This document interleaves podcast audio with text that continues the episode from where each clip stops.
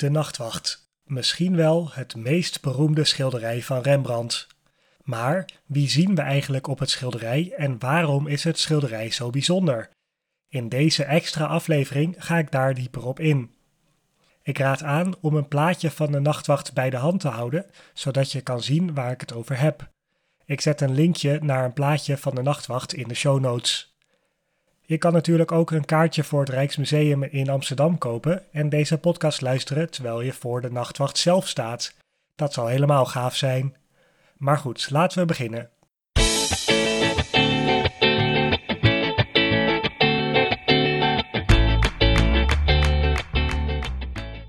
In de middeleeuwen bestond er nog geen politie zoals we die nu kennen. Maar er bestonden wel al boeven in die tijd, zoals straatrovers, overvallers en ander gespuis. Om de stad tegen hen te beschermen werden er milities opgericht van vrijwilligers. Zo'n militie noemen we een schutterschilde. Die hadden de taak om de orde, rust en veiligheid te handhaven in de stad. Vaak liepen ze s'nachts te patrouilleren door de stad, de zogenaamde nachtwacht. Zo zijn we ook al direct bij de verklaring van de naam van het beroemde schilderij gekomen. Wist je dat het niet de officiële naam is van het schilderij? Officieel heet het de Compagnie van kapitein Frans Banning-Kok en luitenant Willem van Ruitenburg maakt zich gereed om uit te marcheren. Een hele mond vol, dan is de nachtwacht toch makkelijker. Deze naam verklapt al een beetje wie de hoofdrolspelers zijn op het schilderij. Frans Spanning-Kok en Willem van Ruitenburg. Dit waren de leiders van de Klovenierschilden. Er waren verschillende schutterschilden in Amsterdam, gegroepeerd per wapen dat ze gebruikten. Zo waren er de handbooggilden die met pijl en boog schoten, voetbooggilden die kruisbogen gebruikten en de klovenierschilden die een soort musket gebruikten. Op de nachtwacht zien we dus de klovenierschilden. Schutterschilden bestonden uit rijke burgers die samen hun eigen gebouw hadden waarin ze konden oefenen met schieten. Dat was tegelijkertijd ook een soort sociëteit of clubhuis voor de gilden. Zo'n gebouw noemen we een doelen. In Amsterdam heb je nu nog de voetboogsteeg, handboogsteeg, Kloveniersburgwal en Oude Doelenstraat. Dat zijn allemaal straten waar de doelen van de verschillende schutterschilden zaten.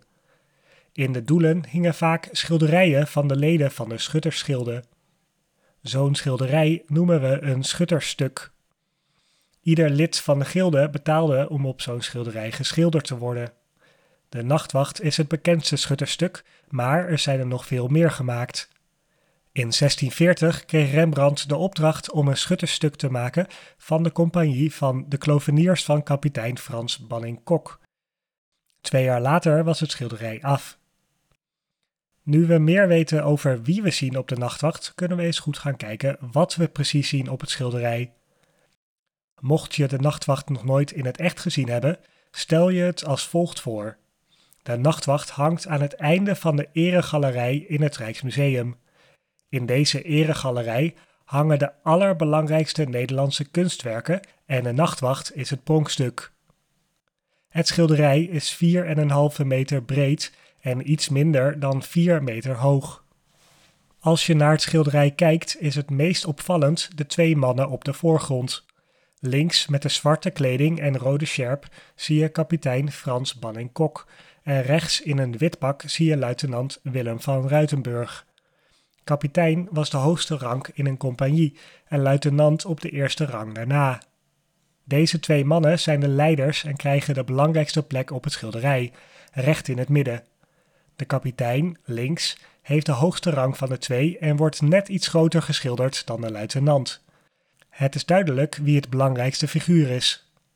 Ze worden extra in de aandacht gezet omdat er een licht op ze lijkt te vallen, hoewel we niet kunnen zien waar het vandaan komt. Ze zijn als enige van top tot teen in beeld en geven duidelijk de leiding. Hun houding lijkt te suggereren dat ze net het commando hebben gegeven om te beginnen met lopen. Kapitein Banning-Kok wijst de weg door zijn hand uit te steken. De schaduw van zijn hand valt op de kleding van de luitenant. Als je heel goed kijkt, kan je vlak bij deze schaduw in de borduursels op de kleding van de luitenant het wapen van Amsterdam zien met de drie Andreaskruisen. Met dit symbool wordt aangegeven dat het een echte Amsterdamse gilde is, die door de schutters beschermd zal worden. Rond de twee leiders staan nog maar liefst 30 andere personen afgebeeld. De meeste zijn moeilijk zichtbaar, maar als je goed kijkt kan je ze allemaal zien. Drie personen op het schilderij zijn bezig met een klover, het vuurwapen van de kloveniersschilden. De man in de rode kleding links is een geweer aan het laden. Tussen de man in het rood en Frans Bannekok is een man zijn geweer aan het afvuren. Rechts van de luitenant is een man zijn geweer schoon aan het maken. Er kan geen misverstand over bestaan, dit is een schilderij van de kloveniers. Een ander opvallend persoon op het schilderij is het meisje in het wit, links van de kapitein. Waarom dit mysterieuze meisje in een duur jurkje s'nachts tussen de schutters loopt, is niet helemaal duidelijk. Zo wordt gezien als de mascotte van de kloveniers. Het meisje heeft een riem om waaraan een dode kip hangt aan zijn pootjes. De klauwen van de kip zijn duidelijk zichtbaar. Deze klauwen verwijzen naar de klauweniers, een andere uitspraak van kloveniers. Deze klauwen van de kip zijn dus een symbool voor de kloveniers en daarom opgenomen in het schilderij. Sommige mensen vinden dat het meisje erg lijkt op Rembrandts eerste vrouw Saskia Uilenburg.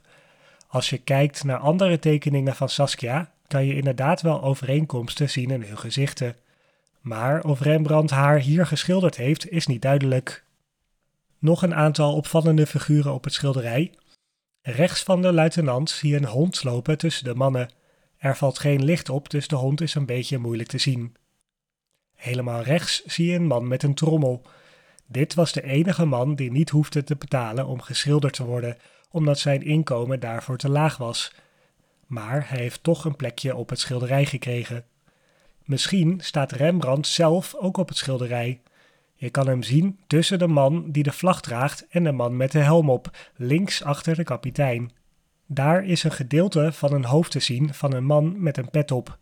Het is nooit bewezen, maar deskundigen denken dat het Rembrandt zelf is.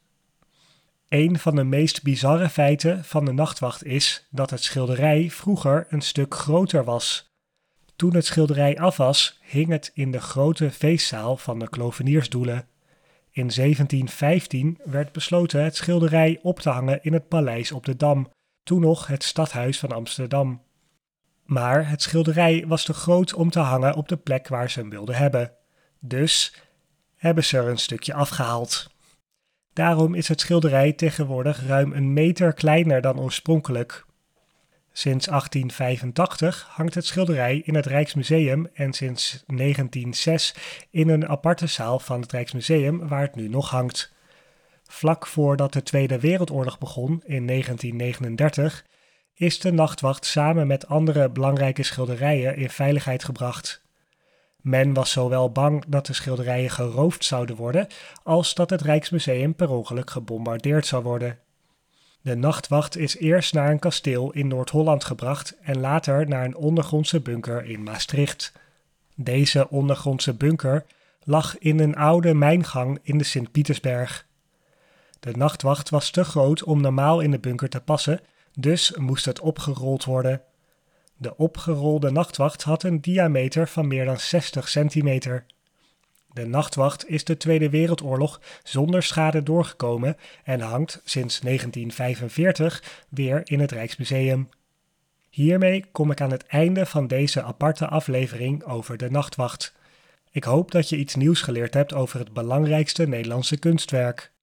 Als je de kans hebt, zou ik natuurlijk sowieso aanraden om hem eens in het echt te bezoeken in het Rijksmuseum. Ik zou ook aanraden om eens te kijken in het Amsterdam Museum vlakbij de Kalverstraat. Daar zit een gratis toegankelijke schuttersgalerij waar maar liefst 15 schutterstukken hangen. Ik hoop dat je een beetje Nederlands geleerd hebt en tot de volgende aflevering.